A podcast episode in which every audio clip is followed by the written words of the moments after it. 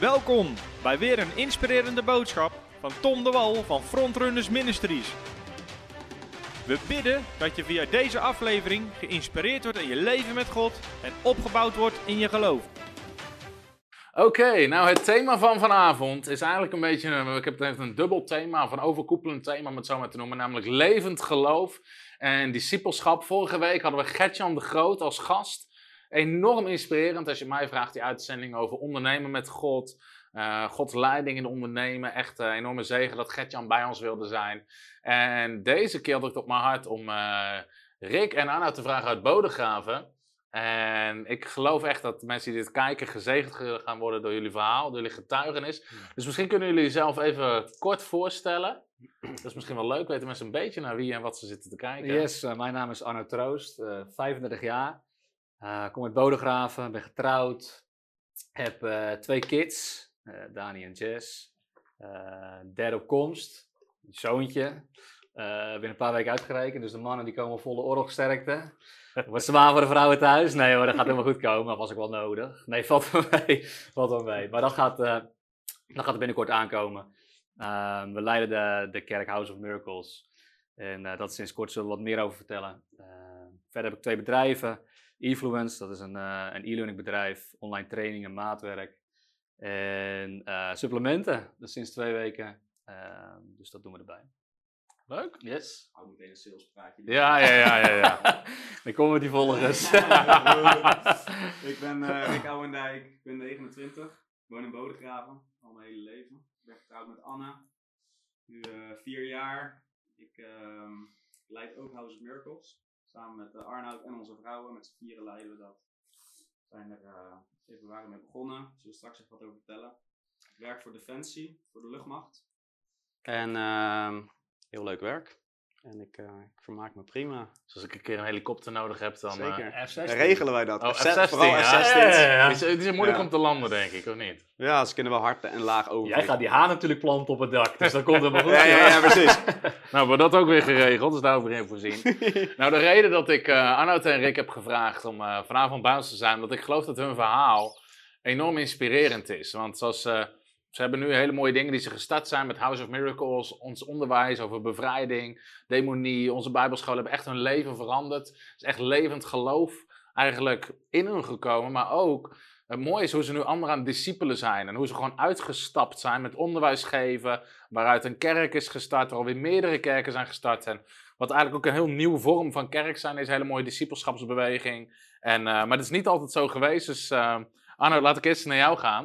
Ik zou eens wat kunnen vertellen over je getuigenis en, en een beetje je verhaal, hoe het gekomen is. Nu ben je natuurlijk on fire voor God en jullie zijn eh, heel fanatiek bezig mm. met genezing, bevrijding. Jullie zien veel wonderen, veel tekenen. Ja. Je hebt natuurlijk een discipelschapsbeweging, een kerk, House of Miracles. Mm. Maar dat was een paar jaar geleden nog niet zo. Nee. Zo ik denk als mensen je verhaal horen, ja. en zeker misschien wat jullie nu doen, ook met genezing en bevrijding, denk ik heel veel mensen, ja, dat wil ik ook. Mm. Zou je eens kunnen vertellen een stukje even van je verhaal? Ja, ik ben um, over snel door het begin heen gegaan, maar ik ben in de gereformeerde gemeente opgegroeid, dus heel traditioneel.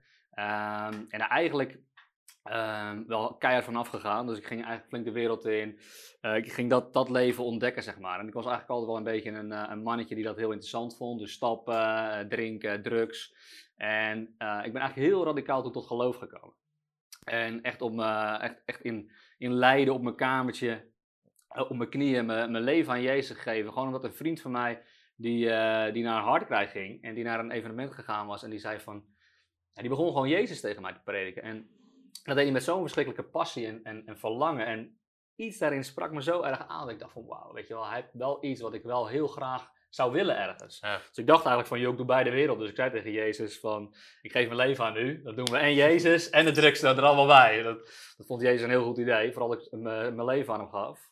En eigenlijk brak dat, dat andere brak gewoon allemaal van me af. Hmm. Dus ik ben toen eigenlijk wel vol voor Jezus gegaan, maar er, er is een periode geweest. Dat Hoeveel jaar is het geleden waar je nu over ja, hebt? 2007, 8. Dus dat is al een flink, geleden, uh, flink tijdje geleden. Ja. En uh, ik heb toen bijbelschool gedaan in Australië. Uh, gewoon hele toffe dingen meegemaakt al met God. En vooral de intimiteit met de Heilige Geest, dat was wel echt een, een ding wat ik heel goed kon ervaren. Dus het was gelijk toen ik gedoopt werd in de Heilige Geest. Ehm, toen toen kwam ik terug zeg maar, van, een, eh, van een kerkdienst. Ik ging in mijn kamer zitten in Leiden. En ik ervoer gewoon echt de, de Heilige Geest gewoon echt als een, ja, een hele dikke deken, zeg maar. Een hele tastbare aanwezigheid. En dat is eigenlijk altijd wel een beetje zo geweest. Dus, dus dat, dat is een stukje wat ik wel altijd heb gehad, zeg maar. Dus wat er altijd is Mm. geweest. Alleen, ehm, toen ik terugkwam van die bijbelschool, toen is er eigenlijk, ben ik ook wel een beetje in een leegte gekomen. Omdat je daar leef je een soort van in een bubbel, weet je wel. En, ehm, en ik kwam eigenlijk een beetje in een leegte terecht. Ik ben wel een soort van af en aan ging het toen wel goed. Dus eh, Ja. weer periodes heel goed en weer periodes minder. En dat was eigenlijk een beetje mijn, mijn geestelijk leven. Ehm, tot het moment, zeg maar, dat, eh, dat, eh, dat nou ja, goed, mijn, eh, mijn- mijn vrouw werd zwanger. We kregen een zoontje, Dani. En eh, nou goed, die werd, die werd ziek. Er er werden ziektes bij, eh, bij gevonden na een jaar. En dat is dus eh, eh, diabetes type 1, auto-immuunziekte. En eh, Hashimoto, dat is een schildklierziekte.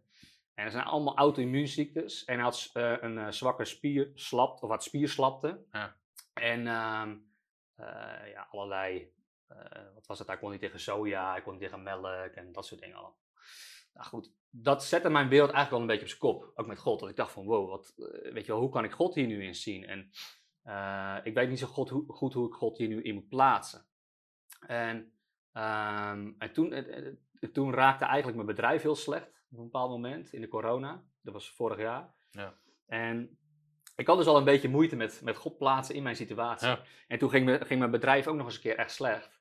En dat was eigenlijk een moment dat ik weer een soort van helemaal terugging naar mijn oude levensstijl. Hmm. Dus waar ik God had echt had meegemaakt op een toffe manier. En echt, weet je wel, ik had hem echt ervaren. En ik wist wat hij kon betekenen voor je. Was ik toch nog Hmm. een soort van ervan afgegaan. Wat Ja. ik echt nooit had verwacht. Ik weet nog dat ik in Australië, dan zit je alleen in Ja. de kamer. En denk je van, ik ga er nooit meer, ik ga me nooit meer verlaten. Maar toch, toch ben ik er toch nog van afgegaan. Was een soort vluchtgedrag misschien voor de realiteit waar je thuis in zat? Ja, ja. uiteindelijk is dat zeker het, eh, het geval geweest. Dat ik, dat ik op mijn werk, dat mijn werk slecht ging. En, en, ik, en ik kon mijn situatie gewoon niet pakken. En ik, er was ook een moment dat ik me zo zorgen maakte ook over, over hem.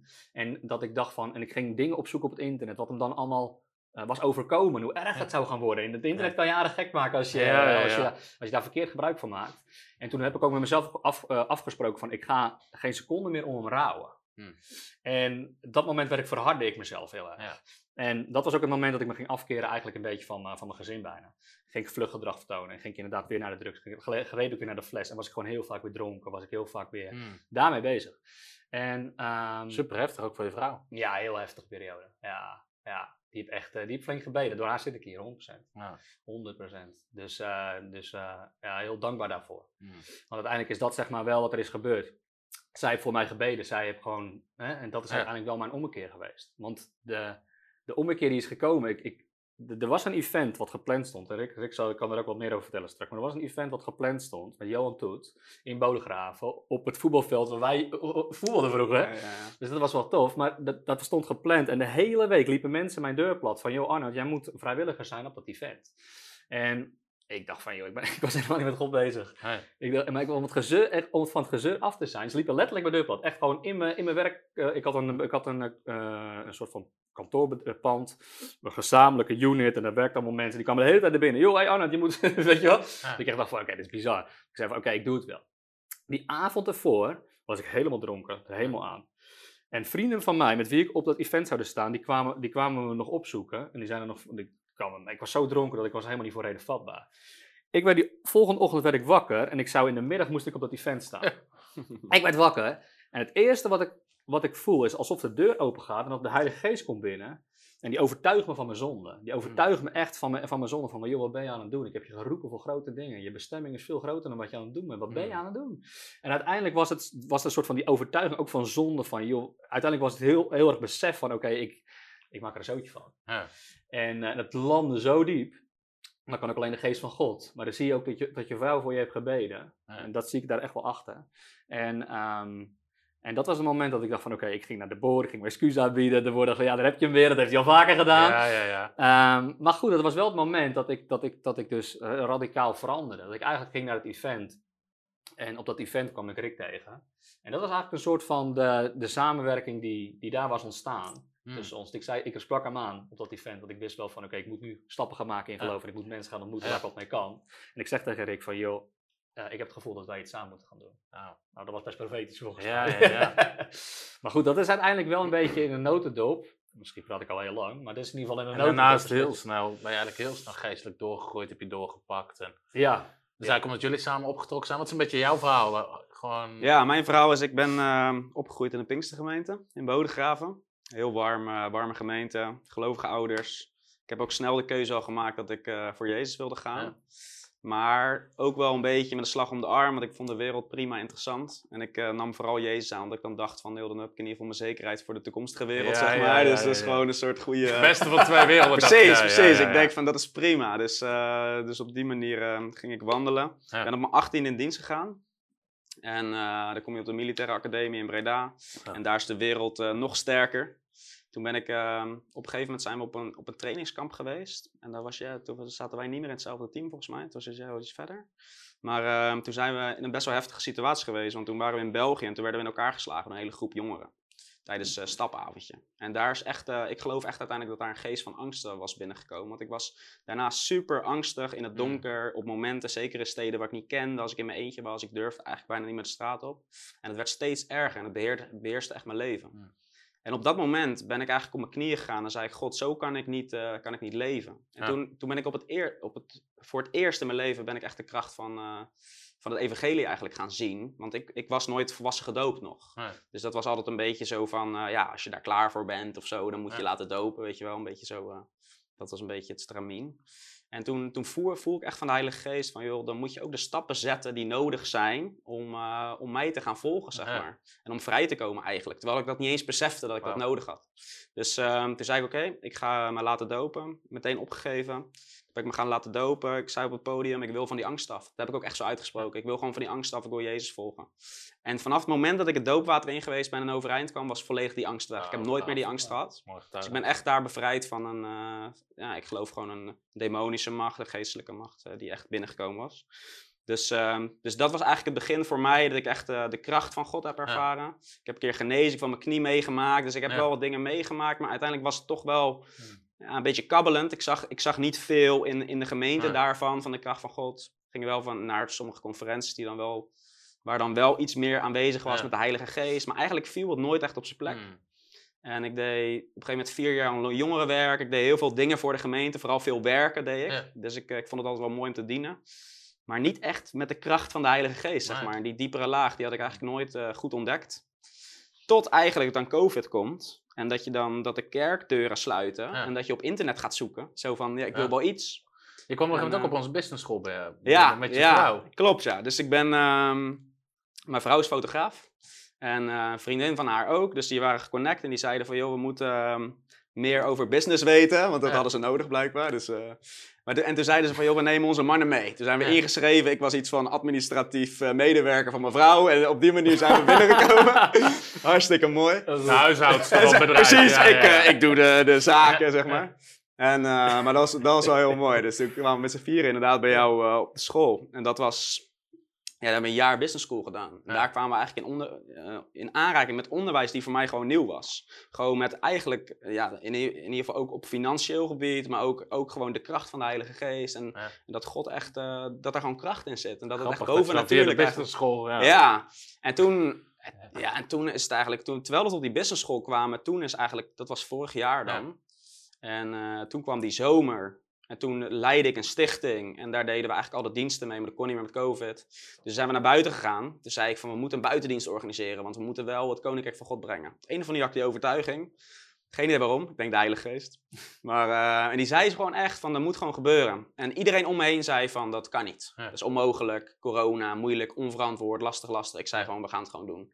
En eh, gemeente gemaild, kon allemaal niet, lastig, lastig, we nemen geen eh, dingen aan.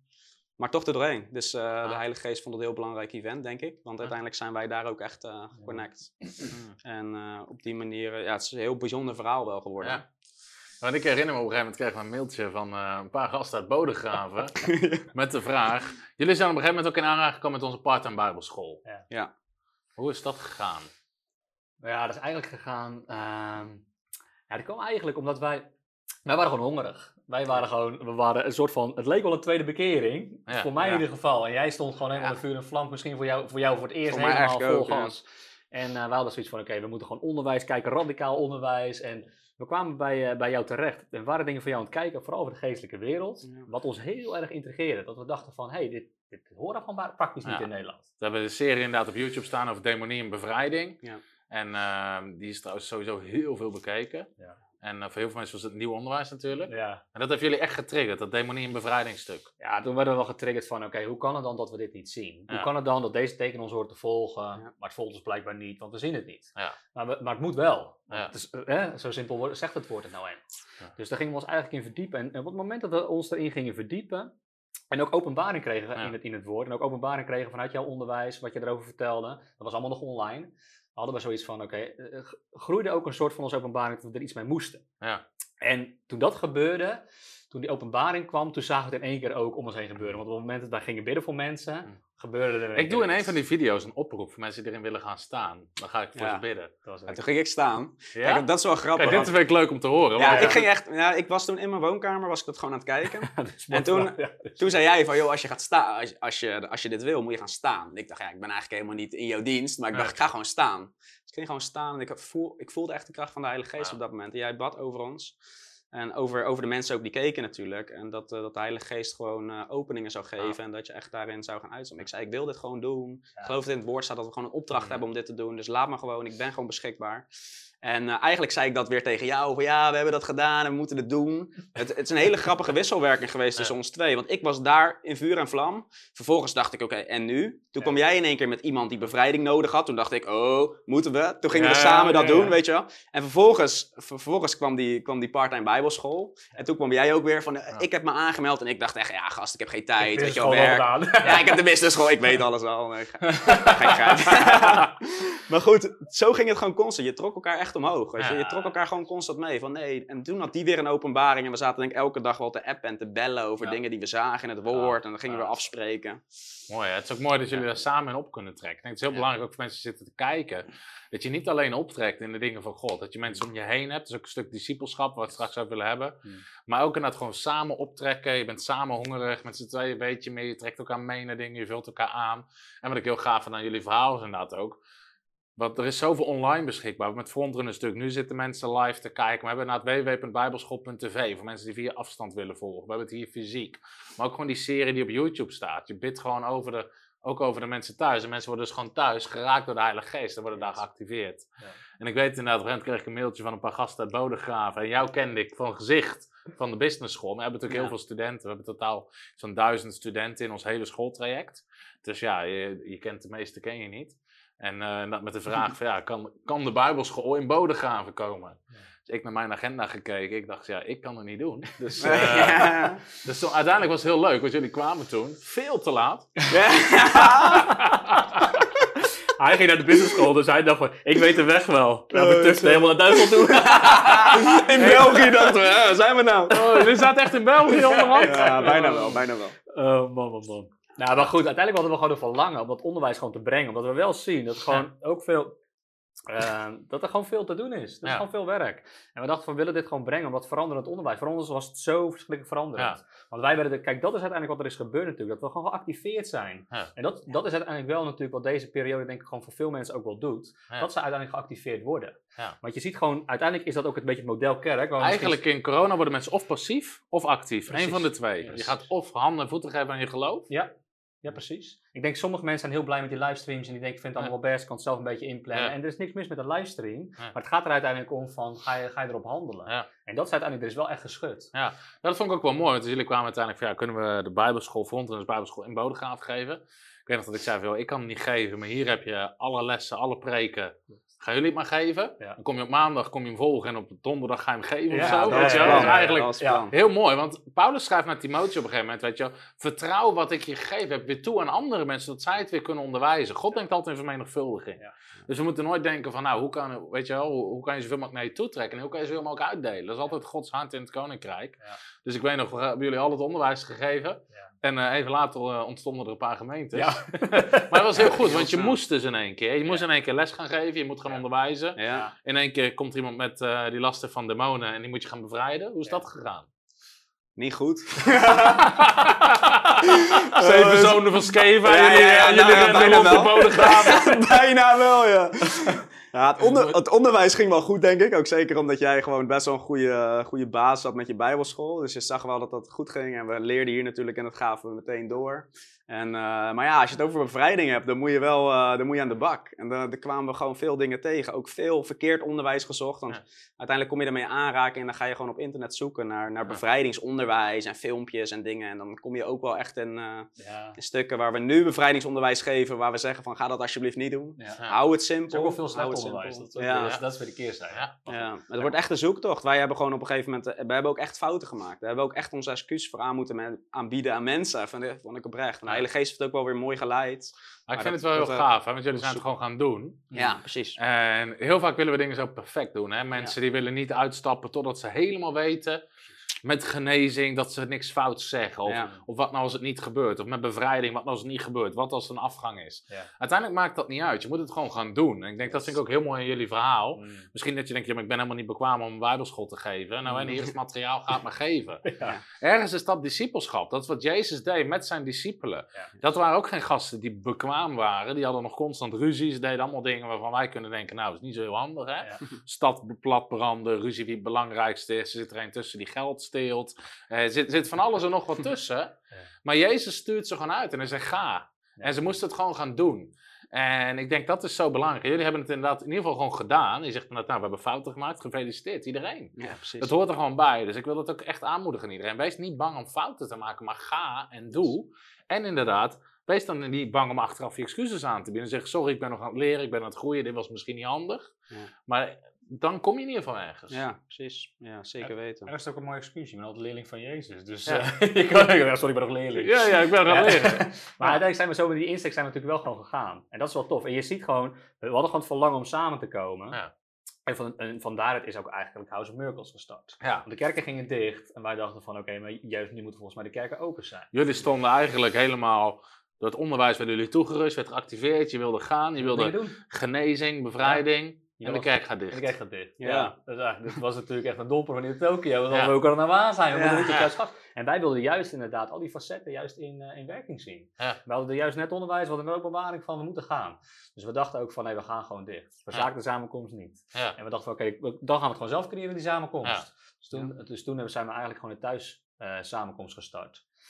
En dat was eigenlijk in het begin gewoon met een heel klein groepje, maar dat ging al van lieverlee heel, heel snel groter. Maar het was natuurlijk ook zo, omdat je in corona zat, kerken gingen dicht en mensen wilden alsnog wel samenkomen, want die honger Ja. was er echt wel. Ja. Dat is wat je net zegt, er gingen mensen afhaken, maar er gingen ook mensen aanhaken. Ja. Maar de mensen die wilden aanhaken, die kwamen wel langs. En dat was uiteindelijk het moment waarin je gewoon dit alles, al wil je, gewoon, al wil je gaan uitstappen, in het woord van God, begin gewoon een huisgroep. Yes. Want dan ga je echt leren uitstappen. Of zorg ervoor dat je kerk dat in ieder geval doet. Dat je in ieder geval huisgroepen hebt waarin je... Want daarin zie je gewoon activatie. Kijk, als wij hier met z'n drieën zitten... Dan, dan kan je niet consument gaan spelen. Nee. Nee. En dat ga je daar ook niet doen. Dus de groep is zo klein dat het consumentengedrag... dat wordt er gewoon radicaal Ja. afgetrokken. Want er moet iets gebeuren. Ja, dat vind ik heel gaaf. En, eh, op een gegeven moment, jullie zijn dus House of Miracles ben je gestart. Eh, eigenlijk om een naam te geven ook gewoon aan wat daar gebeurde. Dus er komen allemaal mensen bij je thuis. En het mooie vind ik aan jullie ehm, concept, even om het zo maar te zeggen, is er kan geen passiviteit in zitten. En ik denk, als ik kijk naar de kerk en de structuur van de kerk, ben ik op zich niet altijd. Aan de ene kant, ik wil nooit negatief zijn over de kerk, want de kerk is de bruid van Christus. Ja. En we hebben respect. Ook Jezus zegt, ik zal mijn gemeente bouwen. Dus we zijn positief over, überhaupt, weet je, iedere zondag ben ik in gemeentes om ze te zegenen, toe te rusten. En de gemeente is echt een concept, gegeven vanuit God. Alleen we moeten wel kijken met z'n allen, hoe geven we dat vorm? Zoals het was natuurlijk in de tijd van de Bijbel. Hoe kon het dat in handelingen, waarin de kerk niet legaal was, hè, je mocht geen... Je kon niet naar de KVK gaan in Jeruzalem en zeggen: Ik schrijf een kerk in. Dat, dat- dus het was eigenlijk een hele illegale beweging, om het zo maar te zeggen. Hoe kon het dat dat zo snel groeide, vermenigvuldigde, toenam, discipelen voortbracht? Terwijl er dus de religieuze leiders proberen te, proberen te stoppen, de overheid probeert te stoppen, iedereen probeert het te stoppen. En terwijl iedereen pro- probeert te stoppen, groeit het, groeit het als een malle. En een van de manieren is dat je kon niet, je zat, ten eerste zit je niet voor de lol in de kerk, want kijk, heel veel mensen gaan uit religie, uit gewoonte, uit een stuk, eh, gaan ze gewoon naar de kerk, het hoort erbij. Nou, dat ging je niet in de tijd van handelingen, want je zette letterlijk je leven op het spel, hè, met vervolging. Maar er was ook geen passiviteit in de kerk. Ze kwamen heel veel samen in kleine groepen. Wat je zegt, was met z'n drieën. Je kan vanavond niet hier in de uitzending gaan zitten en zeggen, nou, Doe niet mee. ik doe niet mee, ik zeg niks. Ik hou Dat, dat, dat, dan, eh, dan, val- ja, dat valt meteen op. Ja. En dat vond ik heel mooi toen, eh, eh, toen eh, als ik bij jullie ben, dan zie ik gewoon, mensen worden echt geactiveerd. Jullie beginnen nu, hoeveel mensen komen er nu? Kan je nu een beetje schetsen hoe het eruit ziet? Ja. Ik denk eh 40 tot 50 mensen, standaard. Maar Ja. dat is eigenlijk ook gewoon wat er in de, in de ruimte kan. Dus eh, en dan moeten we gaan stapelen onderhand. Ja. Maar dat is, dat is nu wel een beetje een standaard aantal. Ja, 40, 50 mensen. En we zien ook echt uit, uit heel Nederland eigenlijk. Dus het is ook echt totaal Ja. niet alleen Bodegraven, maar echt veel honger. Jullie hebben ook verschillende groepen op andere plekken. Ja, klopt. Ja. We hebben groepen in Tilburg, groepen in Noord-Holland. We hebben groepen, nou, wat ik net al met je deelde die voorafgaand, is dat we groepen erbij hebben gekregen. Dus iemand die, die vertrouwt ook zijn groep aan ons toe. Die zegt van, joh, ik heb twintig huisgroepen die ik onderhoud. Maar ik Ah. wil ze graag onder House of Mir- Ja. ik wil ze graag onder House of Miracles gaan scharen. Omdat we zien dat het vruchtbare beweging is. Ja, Nou, dat is natuurlijk een onwijs compliment. Ja. En, eh, en heel erg tof. En we zijn ook in één keer verdriedubbeld. Dus er komt voor ons komt er weer van alles bij. Maar ik vind het wel mooi. En dat is dan in, eh, in Arnhem en weet ik het wat. Dus we hebben op verschillende plekken hebben we allemaal groepen. Maar het belangrijkste vind ik gewoon dat we een DNA houden van die activatie. Want dat is, dat is gewoon de, de grootste asset uiteindelijk. Want dat is de groei. Want we kunnen heel veel dingen gaan, gaan zeggen. Maar het gaat uiteindelijk wel om dingen doen. Op het moment dat wij demonen gingen uitdrijven. Dat was zeg maar het moment dat wij er echt achter kwamen. Dat we, dat we autoriteit hadden in Christus. Hmm. Dat we echt in hem geplaatst zijn. Dat we, e- dat we gezeten zijn in die hemelse gewesten. En dat zijn, dat, dat zijn momenten dat het heel tastbaar wordt. Ja. En, eh, en, en als je dat gaat meemaken, dan ga je ook gewoon groeien. Ja. Dan ga je groeien in de dingen die, die je gaat zien, de wonderen en tekenen. Hmm. Maar ook gewoon in je openbaring. Ja. ja, ik vind het heel mooi. Want kijk, wat ik net zei over de kerk. Het grootste gevaar vind ik aan de gemiddelde kerkstructuur in Nederland is consumentengedrag. Mensen komen binnen op zondagochtend, ze gaan zitten ergens in een rij. Ze zitten te luisteren, ze zitten te kijken naar de aanbidding. Sommigen doen mee, sommigen niet. Je kijkt naar de preek, je luistert naar de preek. Sommigen zijn het ermee eens, anderen niet. Sommigen zeggen mooie woorden. En ze gaan weer naar huis. Alleen het hoeft niks te veranderen in je eigen leven. Je hoeft zelf niet te participeren. Je kan heel makkelijk gewoon consumeren. Je kan er gewoon zitten, komen, weer weggaan. Het kan heel anoniem. In grote kerken kan het heel anoniem. Ja. Je kan er gewoon binnenkomen, niemand iets tegen je zegt. Zegt- En dat is eigenlijk niet hoe christendom bedoeld is. Hè? Het is een, je zou kunnen zeggen, het is een teamsport. Het is iets wat je met elkaar doet, waar je elkaar, hè, de Bijbel spreekt, je zou eens op moeten zoeken hoe vaak de Bijbel het woordje elkaar gebruikt. En dat de Bijbel zo constant zegt, onderwerp je aan elkaar, trek met elkaar op, bemoedig elkaar. Het is iets wat je samen doet. In eh Korinthe staat telkens, wanneer u samenkomt, heeft in, ieder heeft iets in die samenkomst. Iedereen heeft een inbreng, iedereen heeft iets. En dat is iets wat gewoon veelal mist in, in het kerksysteem vandaag de dag. En dat vind ik mooi bij jullie. Die mensen komen daar, dus eh, er zitten 40, 50 mensen en je, en je gaat gewoon, of in groepen uiteen, je begint gewoon met elkaar een gesprek. Wat heb je afgelopen week meegemaakt? Ja. Hoe heb je daar de hand van God in gezien? Hmm. Hoe ben je daarmee omgegaan? Ja. En dan creëer je een cultuur waar mensen niet gewoon kunnen komen en kunnen kijken. Nee. Want dan wordt je een vraag gesteld, je wordt erin getrokken, dus je moet, je moet iets. Ja, precies. En ik denk, denk ja. dat dat een beetje te maken heeft ook wel met focus. De, de, veel kerken focussen natuurlijk op de zondag samenkomst. En dat snap ik wel. Maar uiteindelijk is het denk ik goed als je een soort van... eh, wij zeggen gewoon van de kerk is dan door de week. En zondags hebben we een, een soort van celebration. Ja. Maar we, we halen zeg maar de we willen eigenlijk een beetje de focus van zondag afhalen. Terwijl zondag gebeuren nog steeds hele toffe dingen. Ja. Begrijp me niet verkeerd. Zoals, eh, Ja. echt, nog wel- dat is echt, is echt een toffe dienst. Ehm, maar de focus moet zijn door de week, omdat we dan in die kleine groepen samenkomen en dan zien we de groei bij Ja. de gelovigen. En op zondag is het toch alweer snel van rekken aan staan vooraan en weet je wel. Dus, Ja. dat, dus, dus dat willen we juist afhalen. Dus door de week is het kerk zijn en zondag is een soort van een, een, eh, Ja. een, een viering. Ja. En dan beginnen we zondags altijd met getuigenis. En dat duurt ongeveer een half uur, drie kwartier. Voordat iedereen zijn getuigenis heeft gedaan. Dat je gewoon ziet, iedereen heeft zijn huisgroep gehad. Er zijn allemaal, er zijn allemaal dingen gebeurd. Er zijn mensen opgebouwd, er zijn wonderen Ja. en tekenen gebeurd. Of mensen zijn op straat geweest. We doen evangeliseren. Doen we om de, om de zaterdag. mensen gedoopt. Wekelijks worden mensen gedoopt. Dus er zijn zoveel getuigenissen. Je, dus merkt, de diensten duren ook wat langer. Omdat Mm. je gewoon, in eerste instantie geloof ik gewoon echt dat het heel goed is om te getuigen dat wat God in ons leven doet. En daarin zie je ook dat iedereen getuigenissen deelt. Bijna iedereen maakt wel getuigenissen mee. Dus iedereen wordt ook getriggerd van wow. Als je geen getuigenis hebt, dat je denkt, hé, maar ik wil dat eigenlijk ook. Mm, Weet je, ja, het, ja. Het, het voedt ook honger bij mensen. Dat je denkt, ik wil dat ook graag. Ik wil ook graag de kracht, en kracht van En je God in ziet leven. eigenlijk ook, dat vind ik mooi om te zien aan jullie. Uiteindelijk, je kan alleen maar doorgeven wat je zelf hebt en wie Ja. je bent. Hè? Je kan alleen maar vermenigvuldigen wie je bent. En ik denk dat is een les voor iedereen. Kijk, iedereen is een leider. In die zin, iedereen die dit zit te kijken, ik weet niet hoeveel mensen we nu hebben die kijken, ik denk een stuk of eh, 200, die dit nu live kijken. Jij bent een leider. Want jij geeft leiding ten eerste aan je eigen leven. Dat is het belangrijkste. We geven op onze part-time bijbelschool, die leerjaar 2, geef ik les over leiderschap. Maar altijd als ik spreek over leiderschap, het eerste principe waar ik over spreek is, ten eerste geef je leiding aan je eigen leven. Daarom zegt Paulus ook, ehm, als, het, als spreekt tegen de lijn, zegt let op uzelf en op de kudde gods. Hij zegt al is dat let op uzelf. Het gaat altijd... Het gaat altijd eerst om jezelf. Dat klinkt egoïstisch, maar je geeft eerst leiding aan je eigen leven. Als je geen leiding kan geven aan je eigen leven, kan je geen leiding geven aan anderen. Dus altijd als de Bijbel spreekt over leiderschap, ik heb even één tekst aangehaald, maar er zijn er meerdere, dan eh, onderwijst altijd eens, geef eerst leiding aan je eigen leven. Dus iedereen die zit te kijken, we hebben nou 200 leiders die aan het kijken zijn. En ik denk dat is al een manier waarop Ja. heel veel kerken, be- bewegingen niet denken. Hè. Ze Ja. denken van, ik heb 200 volgers, of ik heb... eh, ik heb zoveel eh, kerkgangers. Hè? Hoeveel Ja. kerkgangers heb jij? Hoeveel mensen komen er naar je kerk? Ja. We moeten zo anders gaan kijken naar mensen. Op dit moment zitten er gewoon 200 leiders in het Koninkrijk Amen. van God. Zitten te kijken naar deze uitzending. Je geeft leiding aan je eigen leven. Je geeft leiding, misschien als je een gezin hebt, aan je gezin. Je bent een voorbeeldfunctie in je klas, op je werk. ehm, je taak in de kerk, wat je ook doet. Jij bent een leider. En, en dus ik wou zeggen, je vermenigvuldigt wie je bent. Dus jullie konden op een gegeven moment niet meer stilzitten. Je werd geactiveerd door het onderwijs, geloofsonderwijs, zieken genezen, demonen uitdrijven. Je ging dat zelf doen. Ja. En nu verwacht je dat eigenlijk van de mensen Ja, die, die, die Ja. bij House of Miracles willen horen. Dat is het DNA van jullie gemeente is, is heel erg activerend. Het is echt dat discipelschap. En dat inderdaad, dat iedereen dat kan.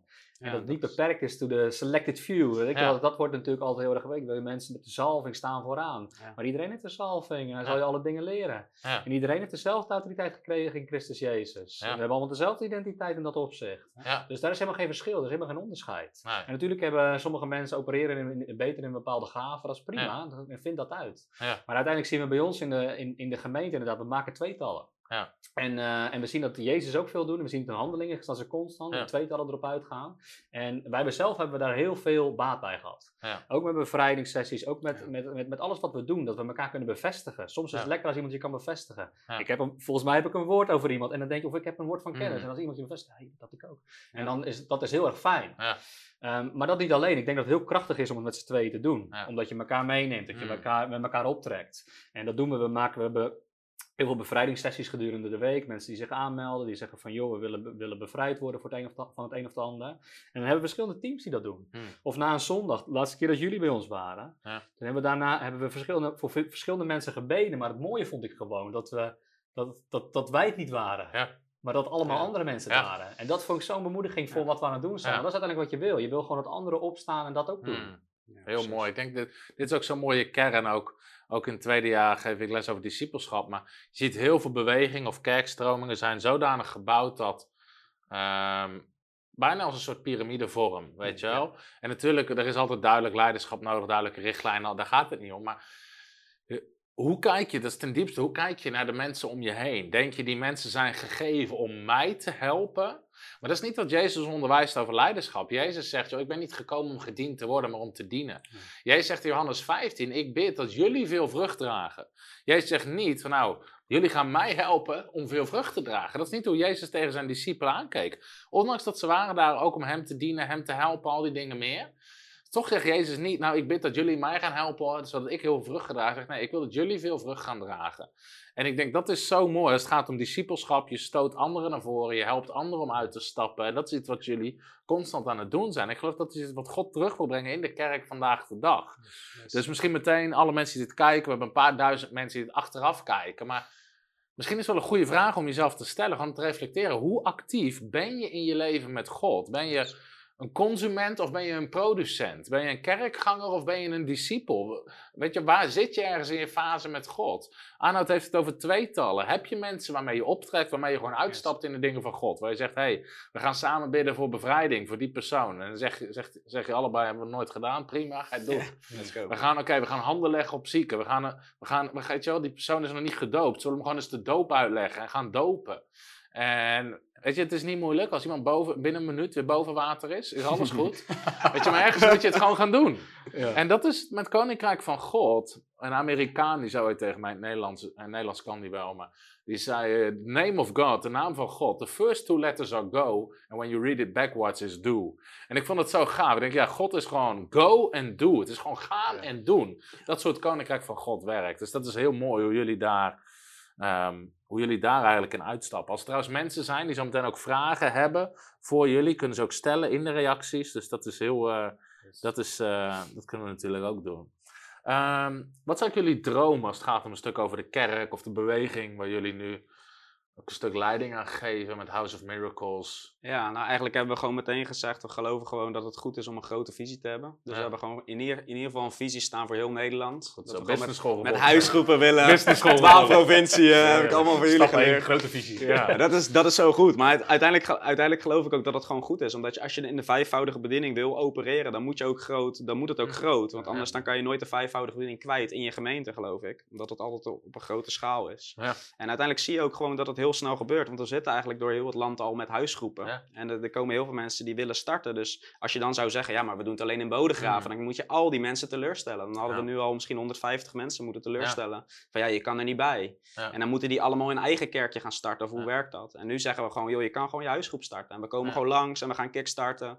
We leggen je handen op en we vullen je met de. Heilige Geest. En we brengen het vuur. En we zien zulke toffe dingen. We waren... Vorige week waren we met een huisgroep in Alblasserdam dan. Die hadden ons zelf, of een groep, een groep mensen eigenlijk, die hadden gewoon gevraagd van... Hey, willen jullie komen? Willen jullie uitleggen wat jullie doen? En we zijn daar geweest en we hebben... We gingen gewoon één voor één voor hun allemaal bidden. En het, we gingen profetisch over ze, over ze uitbidden. Er waren veel profetische woorden. Genezingen, bevrijdingen. Gewoon, gewoon in een uurtje tijd dat we Ja, daar waren, denk Ja, ik. En, die, en ze waren gewoon volledig on fire. En ze hadden Wauw. zoiets wauw, dit is, dit is echt gaaf. Gaaf. En dat is zo cool om te doen. Ja, Ja. dat is tof. Ja, uiteindelijk wat je gewoon wil zien is gewoon een actief lichaam van Christus. Yes. En dat het gewoon niet meer zo passief is. Ja. En, dat, en, ik, en ik denk dat dat dit is wat je net aanhaalt, die- die sleutels daarin. Ja. Maar ook dat je dat inderdaad een beetje durft los te laten als je dan een leider bent van een kerk. Maar dat je die vermenigvuldiging wil zien. Ja. Dat uiteindelijk, zeg maar, wat... Weet je, wij zijn weer geraakt door jouw onderwijs. Ja. Wij zijn daarmee gaan rennen. Maar je ziet wat daaruit geboren kan worden. En je ziet ook weer wat daar weer uit geboren kan Ja. worden. Dus die vermenigvuldiging is zo tof. Ik denk juist moeten we daar gewoon, moeten we dat najagen met z'n allen. Dat we discipelen maken en die vermenigvuldigen weer wat jij brengt. Ja. En, eh, en, en dan kunnen we gewoon veel mensen bereiken. Jullie geven ook eh, trainingen. Ik moet even denken aan de tekst uit Efeze die ik, eh, die ik wil lezen. Hebben we de camera van boven? Kijk, al het goede komt van boven. Kijk eens. En ehm, nou, in Efeze 4, vers 11 spreekt over de. Even kijken, hier spreekt het over de vijfvoudige ehm, bediening die net, al, eh, die net al genoemd werd. Hmm. Er staat: Jezus heeft gegeven. ehm sommigen als apostelen, anderen als profeten, weer anderen als evangelisten, nog weer anderen als herders en weer anderen als leraren. Dus dit is de vijfvoudige bediening waar de Bijbel over spreekt. Apostelen, mensen die nieuwe gebieden openbreken, nieuwe werken stichten. Het spreekt over profeten, die profiteren over mensen, maar ook over landen, over gebieden, die zien wat God wil gaan doen. Het spreekt over leraren, die het woord van God onderwijzen, die gelovigen verder helpen, evangelisten, die nieuwe mensen bereiken. En het spreekt over herders, die ook weer zorgen voor de kudde van God. Maar er staat er, waarom zijn die mensen gegeven? Om de heilige toe te rusten voor het werk van dienstbetoon. Om de heilige toe te rusten voor het werk van de bediening. Daarom zijn ze gegeven, om alle heiligen, alle gelovigen toe te rusten voor het werk van de bediening. Daarom zei ik net, jij bent een leider en je hebt ook nog eens een keer een bediening die God je gegeven heeft. Betekent niet dat je groep bent om vol tijd te bedienen, vol tijd het woord te prediken. Dat zijn die vijfvoudige bedieningen. Maar zijn zij geroepen om heel veel andere, je zou kunnen zeggen mini-bedieningen. Niet respectloos, maar gewoon, gewoon iedereen op zijn eigen plek om toe te rusten. Spreekt ervoor dat het heilige toe moet rusten tot opbouw van het lichaam van Christus, et cetera. Maar dan zegt het dit in vers eh, 16. Van hem uit, van Christus uit, wordt het hele lichaam samengevoegd en bijeengehouden door elke band die ondersteuning geeft overeenkomstig. De maat waarin ieder deel werkzaam is, zo verkrijgt het lichaam zijn groei. Dus hier staat overeenkomstig de mate waarin ieder deel werkzaam is, zo verkrijgt het lichaam zijn groei. Dus we zijn allemaal onderdeel van het lichaam van Christus.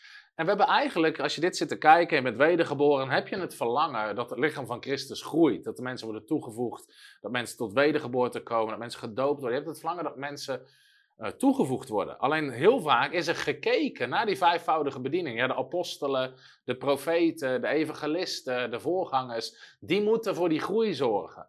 Maar dat is helemaal niet wat de Bijbel onderwijst. De Bijbel leert die bedieningen, die rusten de heiligen toe. En hoe verkrijgt het lichaam zijn groei? Door de mate waarin ieder deel werkzaam is. Iedereen moet zijn plek innemen in het lichaam van Christus. Iedereen moet aan het werk gaan.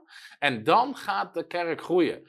Het is ook wel eens uitgerekend dat ehm, hoe lang het zou duren om de hele aarde te bereiken als ieder jaar iedere gelovige één ander iemand tot bekering brengt. En als op die manier, volgens mij is het 20 of 25 jaar, zou de hele wereld gered zijn. Als iedere christen ieder jaar één iemand tot geloof brengt. Want dan krijg je dat model van vermenigvuldiging, wat Gods plan is. Dus wat dat betreft zou het heel snel gedaan kunnen zijn, mits er een beetje beweging komt in het lichaam. Maar, en daarom vind ik eigenlijk zo gaaf wat jullie doen. Jullie brengen een stuk eh, beweging in het lichaam van Christus. Dat staat denk ik ook wel op aversie hè, van andere kerken. Die, die voelen zich meteen bedreigd. Hè? Wat er gebeurt daar nou? Er komen een paar van die snotjongens Snotapen. uit. Snotapen. Die komen zeker weer. ja. er komen een paar van die herrieschoppers. De band uit Bodegraven. heb ik, eh. Maar dat zie je heel vaak. Hè. Dus, het, eh, dus de, de kerkstructuren voelen zich aangevallen of voelen zich bedreigd. Want er gebeurt daar in één keer iets. En Ja. zeg maar, je kan toch niet zomaar mensen voor iemand laten bidden. En je kan toch niet... We zijn heel erg gewend om mensen macht te houden. Gewoon consument houden, lekker zitten. Stoel warm houden, offer geven, je bijdrage doen. En voor de rest niet te veel doen. Dus jullie misschien zijn misschien best wel bedreigend voor huidige kerken of kerkstructuren. Vinden ze eng. Ja. Komt zo'n beweging die, iedereen activeert en over genezing en nog eens een keer bevrijding en demonen uitdrijven. Dat is eng. Ja. Ja. Ehm, dus, maar in één keer, je brengt wel iets in beweging in het lichaam. En je laat zien ergens denk ik ook wel een stukje van het lichaam waar een stuk gewoon passiviteit zit, waar een stuk verandering moet komen. Ja, je, ja, Ja. je ziet ook gewoon veel. Je ziet er gewoon die passiviteit bij de andere kerk heel duidelijk. Maar je ziet ook wat je ziet, is dat er. Ehm, dat mensen echt opnieuw een soort van hun denken er ook voor moeten vernieuwen. Dat ze daadwerkelijk iets moeten doen. Of dit moet niks. Ja, ze, vinden, Ja. ze vinden vaak dat wij in onze Ja. kerk ook zeggen van je moet iets, je, moet, moet, iets, je moet. iets. Maar het gaat er meer om van wij hebben zelf zo gemerkt dat op het moment dat je iets doet, dat je in beweging komt, dat er, dat er vrucht uitkomt. Ja. Het is ook heel simpel. Geloof komt, gaat, gaat gewoon samen met het werken. Hm. Dus dat is ook niet, eh, dat is gewoon een 1 plus 1. Maar uiteindelijk zie je wel dat bij heel veel mensen, ook bij ons in de kerk, moesten eerst moesten wat denken vernieuwd gaan worden van oké, moet ik dat dan gaan doen? Ja, want ik denk dat er veel dopen. mensen met een consumentengedrag binnen. Hè, er is weer een nieuwe kerk. Ja, We gaan, mijn oude kerk. House of doet- Miracles, klinkt goed. Gaan ja, we even kijken. ja, mijn oude kerk doet dat even niet. Die is Nee. even dicht met corona. Klopt. En dan komen ze lekker bij jullie zitten en dan wordt er in één keer iets van ze verwacht. Ja, dan, moet, er- dan gaat er gedoopt worden en vragen van, kan jij dat even doen? Ja. En dan denken ze van, ja, hoezo moet ik dat doen? Ja. Dat- dat- weet je wel, en dat is uiteindelijk, is dat, ze zijn het helemaal niet gewend. Maar dat is dus dat discipelschap wat wel heel tof Ja. is, want mensen Ja. die zijn eigenlijk bijna gevleid. Denken ze, oh, Ja. mag ik dopen? En dus het is, het is bijna een omgekeerde wereld. Mensen Ja. denken helemaal van, oké, ik stel je inderdaad iets voor. Dat stel je ook. Ja. En je bent ook van, van alles waard en je mag het allemaal doen. En je moet het juist eigenlijk doen. Het zijn de opdrachten die we hebben. Alleen mensen zijn het zo niet meer gewend. Dus we moeten, je moet daarin ook alweer een soort van, daar moet ook weer denken vernieuwd gaan worden in het lichaam van Christus. Zodat ze in gaan zien van, oké, er is dus activatie nodig. Ik, ik mag dus daadwerkelijk iets gaan doen. Mensen vragen zich bijna af van, mag ik dat dan wel? Ja. Mag ik wel iemand dopen? Ja. Mag ik wel iemand dopen in de. Heilige Geest? Ja. Heel op. Ik denk, we zijn soms zo. ehm, we streven zo naar perfectie en we zijn zo bang voor dat mensen geen fouten maken. Ik weet sommige groepen ook die nu bij House of Miracles aansluiten, nieuwe groepen. Dan zou de andere kerk zeggen: ja, maar die mensen die zo'n groep leiden zijn helemaal niet bekwaam, joh, als Ja. leider. Ja. Mm, mm. Die zijn misschien zelf, eh, weet ik veel, vorig jaar tot bekering gekomen en die hebben geen Bijbelschool gevolgd of ze hebben geen theologie gestudeerd. Ja. En we denken zo vaak eigenlijk op die manier. Als je ook kijkt in het boek Handelingen, of zelfs bij Jezus, iemand anders drijft ook demonen uit. De discipelen zeggen: Hallo, die hoort niet bij ons, die heeft niet dezelfde opleiding. Ja. En jij zegt: Joh, laat hem gaan, laat hem gewoon doen. Weet je, wie niet met hem, eh, wie niet tegen me is, is voor me. Ook in handelingen, hè, dan op een gegeven moment nemen ze ook even iemand apart rond handelingen 19. Oké, die legt de dingen, had heel veel passie voor God, hij legt het alleen nog een beetje verkeerd uit. Nou, die wordt even opzij genomen en zegt, joh, als je nou zo en zo doet, dan gaat het beter. Oké, prima, en die gaat weer verder. Weet je, wij zijn soms zo strikt op, op perfect en de perfecte theologie. Alleen 2000 jaar streven naar perfecte theologie heeft ons niet in staat gesteld om de opdracht gewoon te vervullen die Jezus ons heeft gegeven. Namelijk, maak discipelen van alle volken, doop ze en onderwijs ze. Veel moeilijker is het niet. Eh, Doop ze eerst, daarna en je, en je onderwijst ze. Je neemt ze aan de hand. Leer ze om alles te doen wat ik jullie geleerd heb. Dus dat is gewoon de opdracht van Jezus. Niet streef naar perfecte theologie, streef naar zoveel mogelijk Bijbelkennis, zo veilig mogelijke structuur. Maar zorg gewoon dat er discipelen gemaakt worden. Het is zo mooi. Als mensen zijn trouwens die vragen willen stellen, dan, ehm, dan, eh, dan eh, kan je die nu stellen in de reacties. En dan eh, gaan we die ook zo meteen even beantwoorden. Even kijken hoor, wat hebben we. Wat hebben we? Ja, jij zei net iets over jouw droom voor de kerk. Kan jij er iets nog op aanvullen? Of over House of Miracles, wat jullie droom is, wat jullie visie is? Ja, uiteindelijk wat onze grote droom is wel gewoon uiteindelijk wel Houses of Miracles door, eh, door heel Ja. Nederland heen. Maar ik heb, een, ik heb gewoon een, ehm, een gevoel dat het verder rijkt dan Nederland. En eh, dat het eigenlijk eh, dat het ook wel over de grenzen heen gaat. En het is niet per se dat het per se een, een, een, droom is, maar ik zou, het wel, ik zou het wel heel tof vinden. Het is wel een verlangen wat er, wat er in mijn hart ligt. Dat het gewoon eh, dat het uitbreidt en dat het meer wordt.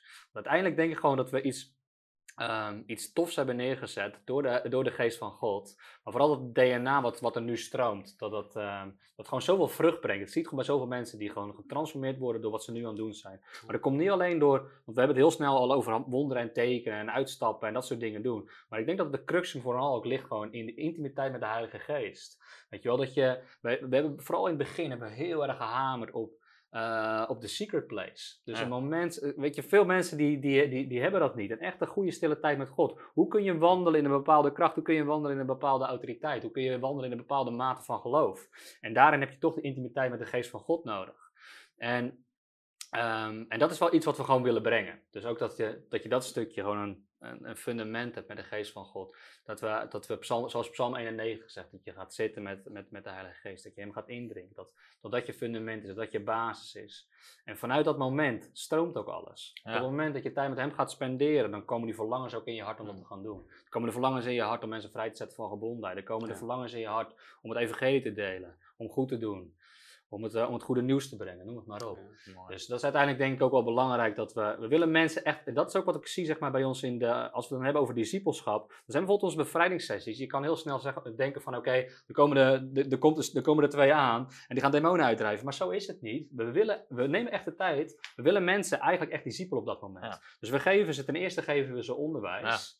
Eh, uiteraard horen we hun verhalen aan, we geven ze onderwijs en vervolgens connecten we ze echt met de Heilige Geest. Want we willen eigenlijk dat ze geconnect zijn aan de Heilige Geest, want de salving zal hun alle dingen leren. We hebben de geest van God nodig. Ja. Kijk, we kunnen heel veel informatie hebben, maar Ja. we hebben openbaring nodig. Ja. En door de openbaring komt de kracht. Dus dat is uiteindelijk wat we, wat we zien ook in die sessies allemaal. Een connectie maken met de, met de geest van God en dat ook weer ehm, terugbrengen. Ja, ik had, zo, Ja. ik had, vorige week had ik een mooie. ik ging voor iemand bidden, voor bevrijding ook. En had hele spanning in zijn rug continu. Het werd erger en minder.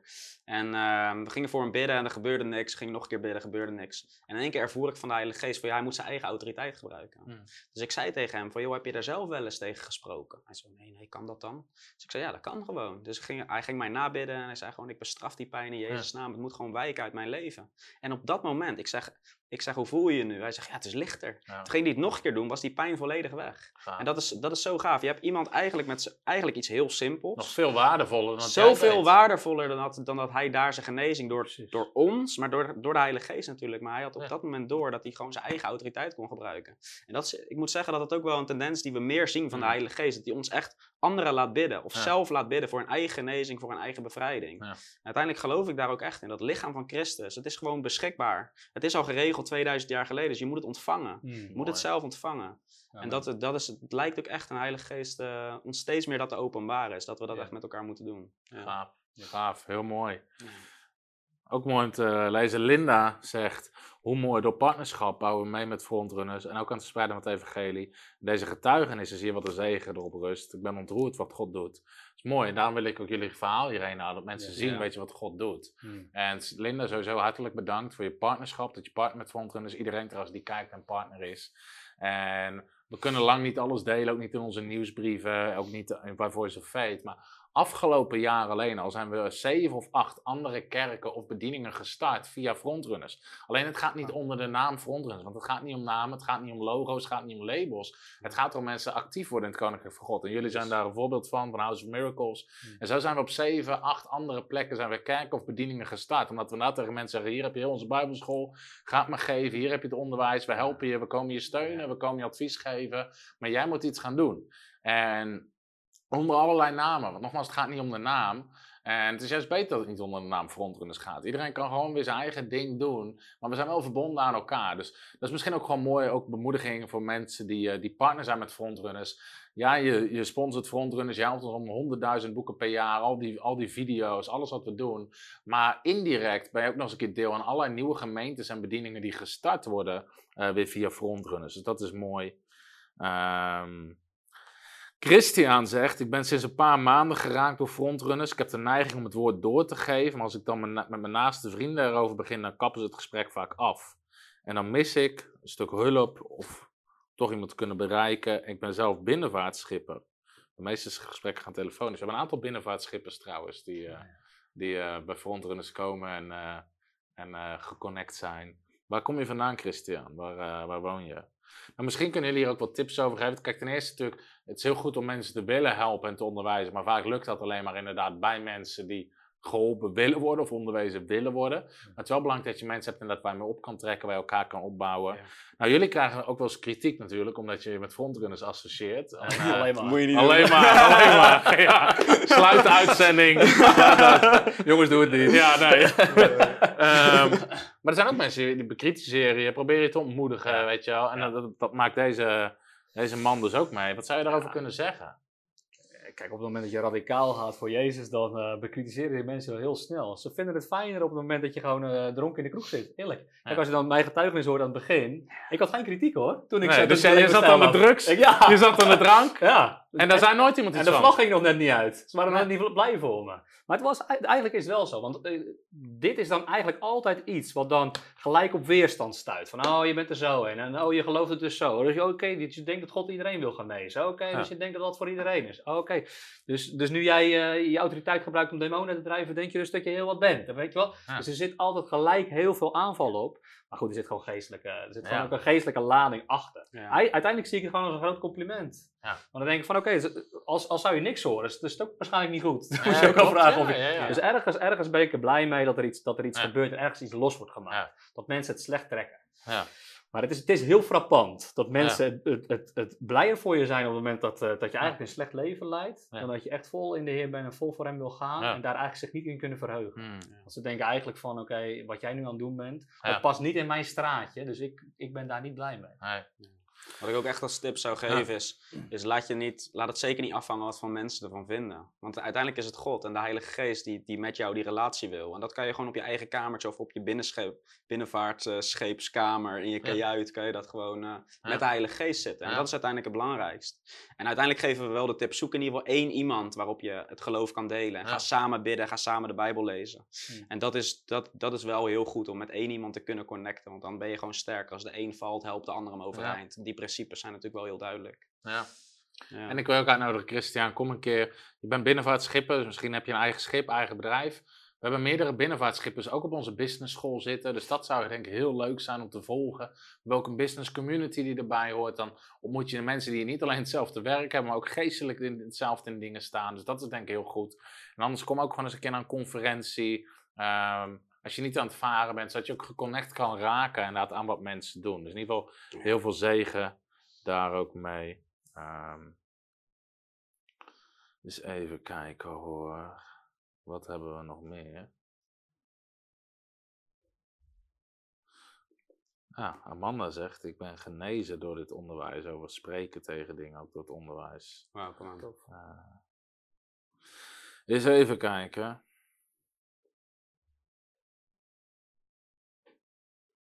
Nelly stelt weer een moeilijke theologische vraag. Let's go. Mag je bijvoorbeeld ook man. iemand dopen als diegene bijvoorbeeld ongetrouwd samenwoont? Nou, ik heb een boek geschreven trouwens, De Kracht van de Waterdoop. Dus daar kunnen, daar kunnen, eh, daar staan heel veel van dit soort antwoorden in. Kijk, met dopen zeg je wel, ik onderwerp me aan de heerschappij van Christus. Ik geef mijn leven over aan hem. En er hoort ook een levensstijl bij die Christus van je vraagt. Dus iemand zegt, ja, ik wil me helemaal leven aan Jezus geven en toewijden. Is het ook belangrijk dat je onderwerpt aan zijn principes. En, en ongetrouwd samenwonen hoort daar eigenlijk niet bij. Dus dat is wel iets waar mensen dan ook daarin een keuze eh, moeten maken. Ah, Christian komt 14 november naar de businessavond is dat.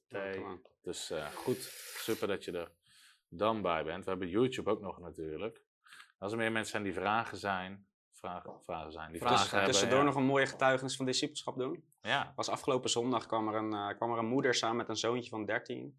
En eh, die zo, dat zoontje had wat last van blokkades, maar die wilde echt eh, voor, voor Jezus gaan. Heel tof, een jongetje van 13. Sowieso heel bemoedigend, dus we gingen voor hem bidden.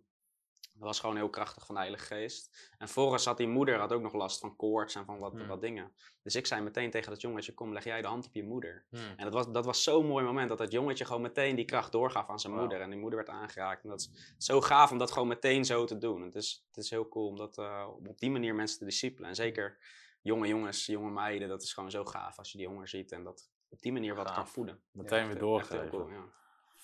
Heel gaaf. Joortje vraagt, demonen uitdrijven kan in principe alleen als de persoon het zelf ook wil, toch?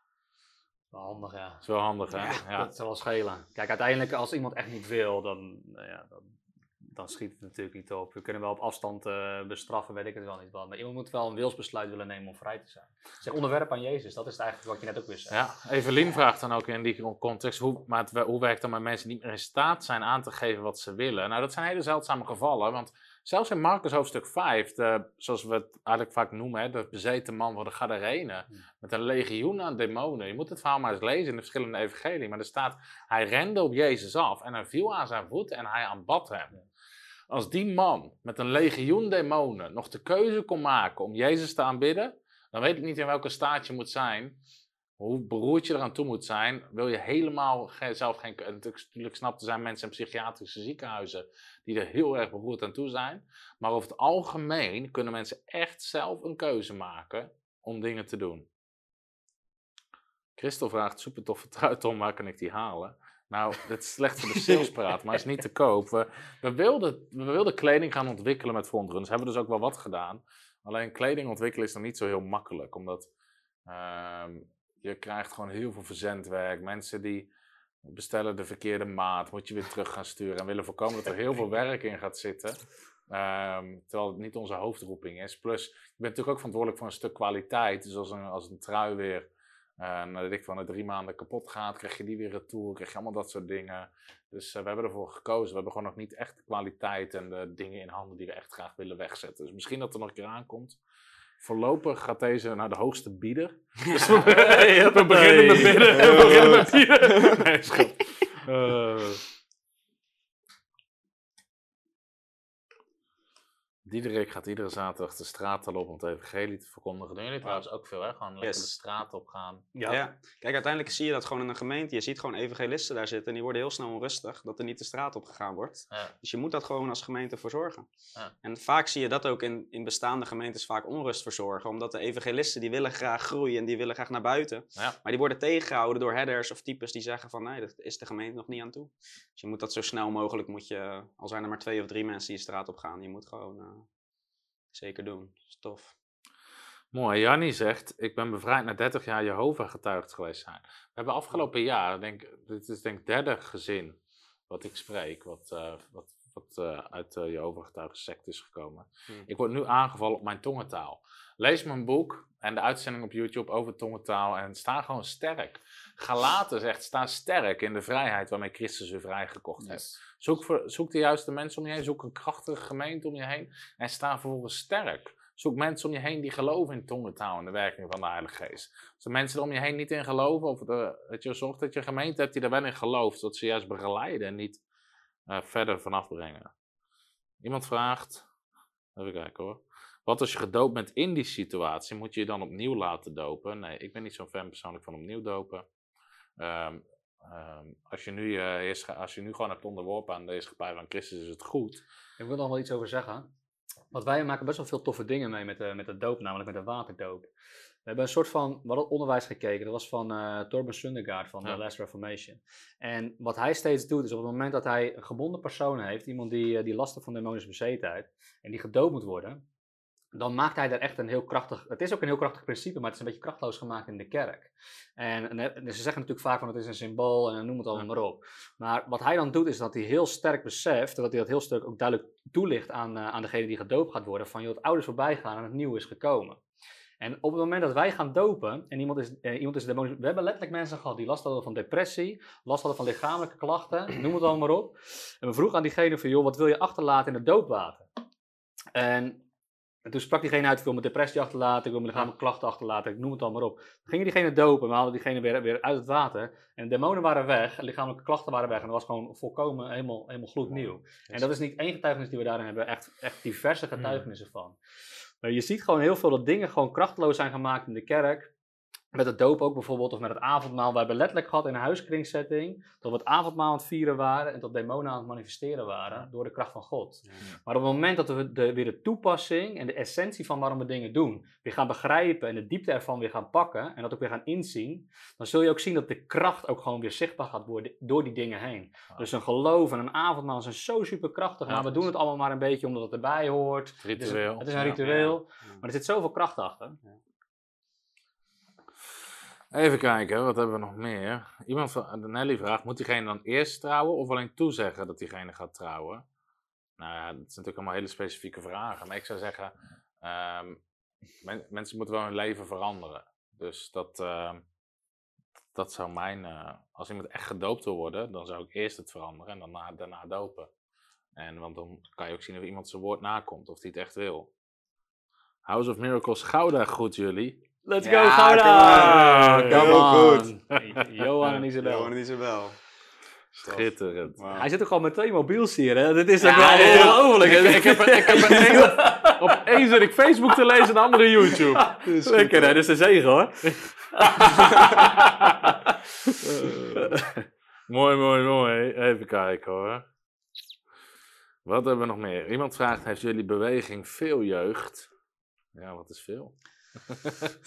Ja. Er komen veel jonge Wat is jeugd? Ja, ja. Ja. Ik voel mezelf ook nog heel jong. Maar ja, eigen- eigenlijk zien we gewoon letterlijk alle leeftijden. Dus ja, er, er komen jonge mensen, er komen kinderen, er komen jongeren die enthousiast zijn. Er komen jongvolwassenen en ook gewoon ouderen. We hebben een man van 70 en die gaat volgend jaar bij Tom de Bijbelschool doen. Omdat hij zo enthousiast is over het onderwijs. Die is in de 70 jaar en hij zegt, ik ben nooit te oud om te leren. En ik Ja, zie nu de openbaring en ik ga er gewoon voor.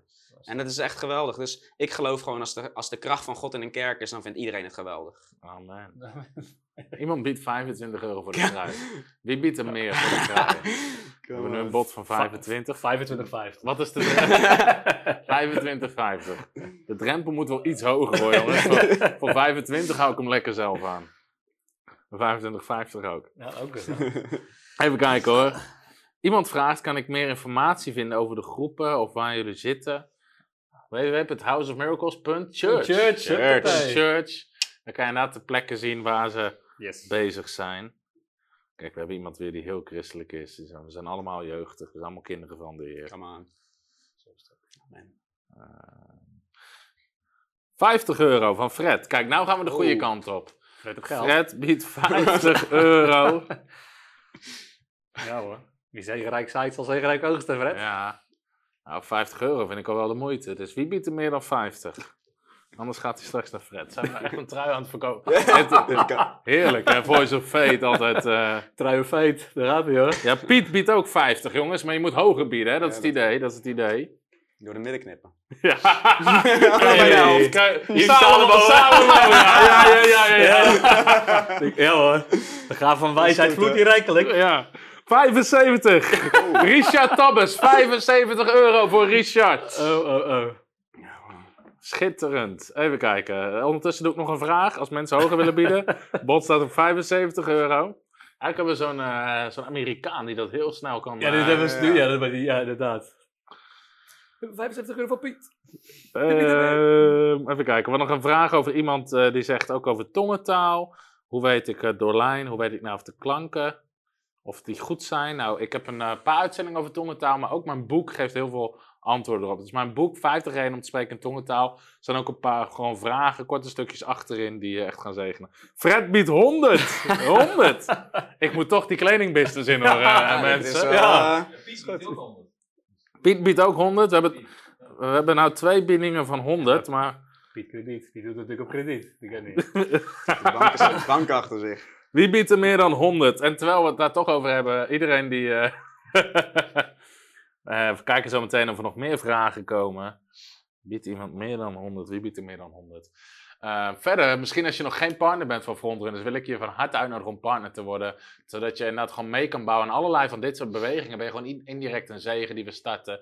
De gratis boeken die we uitdelen, uit, de bijbelscholen, al het videoonderwijs. Dus als je nog geen partner bent van Frontrunners, wil ik gewoon van harte uitnodigen. We staan in geloof voor duizend extra partners, ook voor het nieuwe pand. Waar we een distributiecentrum voor onze boeken willen, armoedehulp, grote congreszaal, voltijd bijbelschool. Omdat eigenlijk dit soort gasten, zijn gewoon mooie gasten natuurlijk, daar willen we er honderden van in Nederland hebben.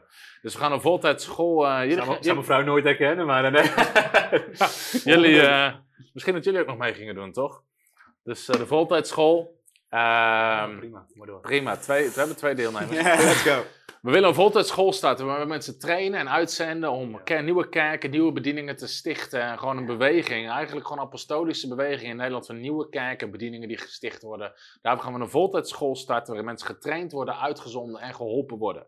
Dus ook daarin zijn we bezig in de context van ons nieuwe gebouw. Eh videostudio's, klaslokalen voor die voltijdschool, kantoorplek voor al onze medewerkers. We groeien hier helemaal uit. We hebben inmiddels 12 of 13 mensen in dienst. Dit kantoor kunnen we er eigenlijk 12 of 13 kwijt. Dus we zitten gewoon bomvol hier. Dus we zijn bezig met het nieuwe pand. We staan in geloof ik duizend extra partners. Volgens mij zijn de afgelopen tijd al 100 bijgekomen. Er zijn nog 900. Dus als jij nog geen partner bent, wil ik je van harte uitnodigen om partner te worden, mee te bouwen met wat God aan het doen is. En ook om je te bedanken, sturen we gewoon ook alle nieuwe boeken. Krijg je mooie hardcovers van. Je kan een account aanmaken op bijbelschool.tv. We willen ook gewoon een zegen zijn voor jou. We bidden voor onze partners. Eh, we doen partnerbijeenkomsten. Ook dat kunnen we nu niet doen, omdat ons pand gewoon veel te klein is. Dus we kunnen gewoon de mensen simpelweg niet kwijt. Maar ook dat zullen we weer doen in het nieuwe pand. Omdat het gewoon geweldig is om samen op te trekken in het Koninkrijk van God. Dus als je nog geen partner bent, ga naar frontrunnersministries.nl en eh, word partner. Zodat je ook op die manier gewoon mee kan bouwen. Eens even kijken of dat iemand al meer gebo- geboden heeft op de trui. 150? Piet van Loon, 150 euro. We staan 150 euro op de, tra oh, op de trui. Geweldig. Oké. ehm, oh ja, morgenavond komt er een extra uitzending. Ik weet niet, hebben we een flyer bij de hand? Denk ik niet, hè? Morgenavond met het thema... eh, hoe zit het? De overheid is natuurlijk nou bezig om te... In ieder geval de media komt dan naar voren. Mensen die niet gevaccineerd zijn, dat ziekenhuizen pleiten om zorg te gaan weigeren aan mensen die niet gevaccineerd zijn. Je ziet dat er steeds meer uitsluiting komt in de maatschappij voor niet-gevaccineerden. En morgenavond ga ik daar een speciale themaavond over doen. Om daar een Bijbels perspectief op te geven. Dus morgenavond, 8 uur, hoe zit het eh, met dat thema van niet-gevaccineerden die uitgesloten worden in de maatschappij? En daar is een Bijbels perspectief. Dus een gewaagd onderwerp. Maar eh, morgenavond eh, zal dat dus, gaan we het daarover hebben. Even kijken. Vraag even aan die soldaat naast je, Tom. Toen je, voor het eerst voor toen je voor het eerst voor bevrijding bad, vond je dat dan niet eng? Want ik heb het ook wel meegemaakt en ik werd er, ik werd er bang van, zei iemand. Want die zo- Ah, jij weet je autoriteit al. Ja, hè? precies, ja. natuurlijk. Die hoofdman over 100, toch? Nou, Eh, werd ik er bang van? Nou, ik moet zeggen dat ik het wel spannend vond, ja. En je moet ook dan wel, je gaat ook wel snel groeien in, eh, in het zoeken in de Bijbel wat het, wat het ook zegt over je autoriteit. En dat is ook wel belangrijk. Maar ik merkte ook, doordat je dat gaat doen, en doordat je misschien ook op een bepaalde manier die angst opvoelt komen, ga je ook, als het goed is, honger krijgen naar man, van wat is de positie van Jezus en wat is Ja. mijn positie. En daardoor ga je die angst weer overstijgen. Ja. Dus dat, dat proces wordt juist versneld doordat je met die duisternis te maken gaat krijgen. Maar wat wij, wat wij voornamelijk gewoon zagen. samen. Je doet het samen, dus je gaat ook meteen met elkaar eh, daarin wel sparren van hey, hoe zit dat nou? Maar wat je voornamelijk ziet, is echt toen discipelen ook terugkwamen naar Jezus, dat ze eigenlijk enthousiast waren over het feit dat de demonen naar hen luisterden. En dat is, dat is eigenlijk is dat, eh, is dat, dat eerste gevoel ook echt. Dat hadden wij ook echt al, we waren een soort euforisch. van wauw, dat is, de, maar ook gewoon dat die wereld zo echt is. Ja. Ja. Jij zei het nog, hè? het eerste dat de discipelen zo enthousiast over waren, zijn heer, de demonen zijn onderworpen. Ja. ja. Het doet meteen iets. Ja. Maar het is heel tastbaar. Dat heb je gewoon met het uitdrijven van demonen. Dat het zo verschrikkelijk tastbaar is. Het gebeurt natuurlijk letterlijk voor je neus. Dus kijk, wat ik, wat ik eerder al zei, is dat op het moment dat je, eh, dat je voor iemand geneest, dat kan nog heel, eh, weet je, als iemand geneest van zijn schouder, dan denk je, ja oké, je hebt er zelf niet zoveel van meegemaakt. Maar op het moment dat iemand natuurlijk een manifestatie heeft, omdat je een demon uitdrijft en die gaat aan de weg bijvoorbeeld door een harde schreeuw of iets, dan denk je van wow, weet je wel, dat was echt Ja. intens. Ergens zie je echt die battle van het koninkrijk van duisternis tegen het koninkrijk van het licht. En het- dat is zo, dan zie je gewoon, dan wordt de geestelijke wereld gewoon ineens heel tastbaar. Want waar ga je anders de geestelijke wereld in merken? Dat is eigenlijk altijd een beetje in het onzichtbare. Maar, in, maar door de manifestatie van een demon in iemands lichaam zie je, wordt het natuurlijk gewoon gelijk heel tastbaar, recht voor je gezicht. En dat is dat is wel iets waar je gewoon ook enthousiast van kan worden. Dat je denkt van, hé, hey, dit is best wel tof. Dus die, eh, en, en, en die openbaringen vallen dan gewoon heel snel. Dat je Ja. denkt van, oké, we hebben deze positie in Christus. We hebben de autoriteit om dit te doen. En eh, ja, En uiteindelijk zie je ook gewoon dat zoveel mensen er last van hebben. We kregen een aantal, aantal weken geleden. En dat hoop ik echt dat mensen ook stimuleert om hierin uit te gaan stappen. Want dat, we ik kreeg een bericht van ouders van een meisje van 16 jaar. Die 35 of 40 kilo nog maar woog. Anorexia last van had. En die werd in een gesloten afdeling, was al drie weken. En die moesten met zes man bovenop haar zitten om haar eten gedwongen toegediend te krijgen. En ze schreeuwde en ze krees en ze schold, alles bij elkaar, ze beet. En vervolgens een half uur later, als ze weer een beetje tot rust gekomen was, dan vroegen ze aan haar van, joh, waarom deed je dat? En ze wist daar niks meer van. En ze schaamde zich er zelfs voor dat ze dat Mm. doet. Dus zo demonisch en dat is zo... Erg, dat is- vernederend ook. Demonen. Exact, het is heel vernederend. En uiteindelijk is het wel zo gaaf als je dan voor zo'n meid gaat bidden. En je leidt er naar Jezus en we hebben er mogen dopen en vullen met de Heilige Geest. En dat je dan een week later een appje krijgt van die ouders, van dat ze weer zelfstandig kan eten zonder die aanvallen. Hmm. Ja, dat is, dat, dat is wel echt heel gaaf om te Gaaf. doen. En dat, dat is gewoon, dat is waar we als christenen ook echt voor bestemd zijn. Om gewoon die duisternis af te breken, om die gebondenheid van mensen gewoon weg te sturen. Ja, mensen los te maken van die We keten. hebben nog een vraag aan de soldaat. Oh, kom aan. kom op soldaat. Eh, nou, je zei dat in, in het begin gingen er misschien dingen mis waar je later excuses voor aanbad. Ja. aanbood. Kan je daar voorbeelden van geven? Dat zou deze persoon nuttig vinden. Ja, nee, 100%. Kijk, de, de eerste sessies, om het maar zo te zeggen, of dat we voor mensen gingen bidden, waren we de hele nacht bezig. Hmm. En wat we vooral deden, was gewoon de demonen aanspreken. En eigenlijk wat we achteraf gezien hebben, is dat de demonen vooral heel boos aan het maken waren. Want op het moment dat je met de naam van Jezus gaat roepen en zeggen dat ze eruit moeten, zonder dat je misschien, omdat je gewoon in het begin nog bent, weet je, dus je kent je autoriteit niet zo goed en je weet het allemaal Hmm. nog niet zo goed, maar je gaat gewoon daarmee aan de haal, omdat je dat gehoord hebt en dat moeten we doen. Demonen werden vooral heel boos en gingen echt wel flink manifesteren. En, en dat meisje waar we bijvoorbeeld voor baden, die, die, die, had, er- die kreeg ook echt wel flinke manifestaties. En we bleven gewoon maar doorgaan. En het is wel goed om, om dan te, ook soms te stoppen, weet je wel, met af te breken en te zeggen, oké, we moeten eventjes met elkaar kijken wat hier aan de hand is en we moeten Ja. groeien. Maar wij gingen gewoon door en, en je kan daarin wel doorslaan, zeg maar, Ja. dat het te lang duurde en echt ook gewoon heel heftig voor die persoon Ja. zelf was. En daar, ja, daar, hebben we, daar hebben we echt gewoon e- oprecht excuses voor gemaakt. Van dat we zeiden van, hé, ehm, we, we wisten niet beter. Ja. Eh, maar ik denk persoonlijk, als ik daar een tip meteen ook over zou geven, ga niet te lang door, weet je wel. Eh, ga uitstappen en ga doen. Alleen ga niet... Ja, wij zijn letterlijk gewoon 10, 12 uur lang bezig geweest. En dat is gewoon, dat is niet goed. waren die demonen gewoon moe. En ja, dachten, jongen, jongen, ik wil gewoon slapen. Ik ga er vandoor. Ik ga, ik ga, Ja. ik ga een huis zoeken. Maar zo, maar, zo, maar zo waren we letterlijk al aan het strijden. Ze zullen nu toch wel moe zijn? Ja, ik wel. Zo denk je ook, zo denk je ook. Maar het is zo menselijk, ja. Maar, maar uiteindelijk Oh. is dat, is dat wel oprecht waar je gewoon wel fout in kan maken. En dat is eh, maar goed. Nou, er komen nog veel meer vragen ook over demonen. We hebben echt heel veel onderwijs over demonie en bevrijding. Misschien dat jullie een keer terug kunnen, kunnen komen. Dan kunnen we, Kunnen we daar een onderwerpje kunnen we over een avondje hebben over demonie en bevrijding. Ja, Het is natuurlijk wel interessant. Dus uiteindelijk zijn we als Nederlanders zijn we zo beredenerend. We plakken zo snel labels en we Ja. gaan er ook nog redeneren tot, Ja. tot terug. En we zeggen van het is heel logisch dat ze zo zijn geworden en zo. Maar we zien zo, zo weinig die geestelijke wortel. Ja. Dus Ja. het is heel interessant, eh, heel interessant onderwijs. 100%. Nou, ik zie geen bod hoger dan 150 euro. Maar mensen, dat is toch karig jongens. Dit is een luxe truitje Verkopen, heren. Koop je eigen trui anders ook.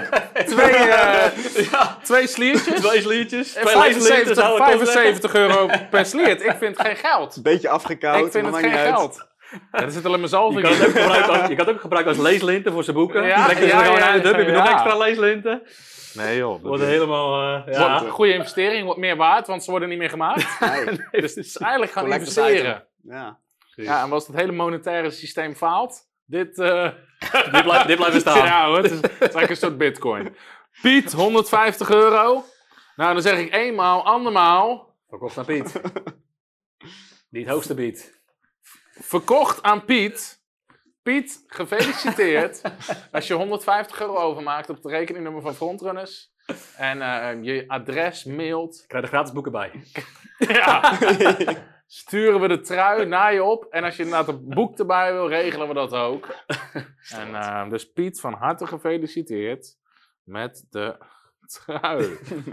Fred, sorry, Fred komt met 200. Fred, ik heb. Fred ik, heb, ik heb nou Piet toegezegd. Ja. Ik heb nog een shirtje hiervan. Fred, als het shirt ook goed is, voor 200 krijg je het shirt. Laat me weten. En dan uh, zegen met het shirt voor alle andere mensen Misschien ben je al partner, maar wil je gewoon een extra gift geven. Ook dat kan. Je hoeft niet per se te bieden op een trui of op een shirt. Je kan ook gewoon een gift geven. We willen sowieso iedereen hartelijk bedanken. Gewoon die zaait in de bediening. En het is geweldig om te zien dat constant komen de giften binnen. Soms ook gewoon grote giften van tienduizenden euro's. En, en gewoon is een zegen wat we daarmee kunnen zijn voor het Koninkrijk van God. Wat gewoon geweldig is. Hier, mensen bieden altijd achteraf als die... eh, Ja, dat zul je altijd zien. Hier, nog Ja, iemand- dat het achteraf tof doen is natuurlijk nog iemand anders eh die biedt 175. Iemand vraagt, mag ik de soldaat bij de trui? Dat kost wel meer. Dat kost, Begint te bieden. Nee, nee, nee. dat kost dan meer. Oh, jongens, jongens, jongens. Nou, als, ehm, laten we het zo doen. Mocht Fred de, het shirt willen voor dat geld, maakt Fred dat geld over. En dan eh, zet je erbij voor het shirt. En ehm, in ieder geval, jongens, ik wil... Geld verdiend vanavond hoor. Nee, dat, is een, hè, dat is een zegenrijke Oh, avond. oh, oh, oh, heerlijk, heerlijk.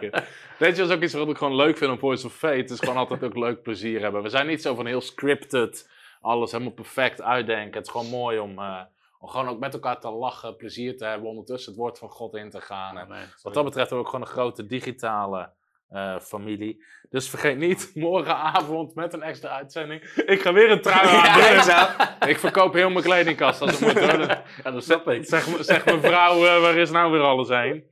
Maar eh, morgenavond dus over hoe zit het met dat bepaalde mensen geen zorg meer willen bieden aan ongevaccineerden. Ehm, dus daar gaan we.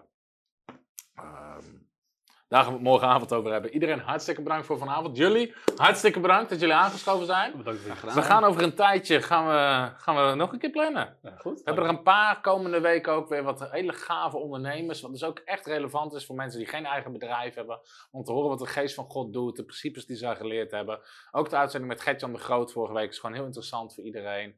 Eh, maar we gaan even een nieuwe datum eh, plannen. Doen we. En dan kunnen we het even een keertje over demonie en bevrijding hebben. Let's go. Om ook daar mensen in te activeren. Dus eh, geef ze even via Facebook of YouTube een daverend applaus. De mannen uit Bodegraven. Come on. Dus super superleuk dat jullie erbij waren. Superleuk dat je gekeken hebt. En ehm, blijf gewoon alles lekker volgen. Zorg dat je aangevuurd blijft. Yes. En God zegen. En tot volgende week. Of tot morgen. Hallo, Tom de Wol hier en bedankt dat je weer geluisterd hebt naar onze podcast. Ik bid dat het je geloof gebouwd heeft en je bemoedigd bent.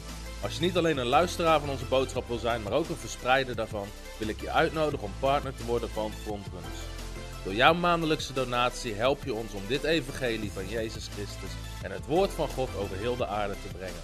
Om partner te worden, ga naar www.frontrunnersministries.nl slash partners en word partner. Hartelijk bedankt en tot snel. Heb je ook zo genoten van deze inspirerende boodschap van Tom de Wal? Abonneer je dan op deze podcast. Volg ons op Facebook en op Instagram en kijk op onze website frontrunnersministries.nl.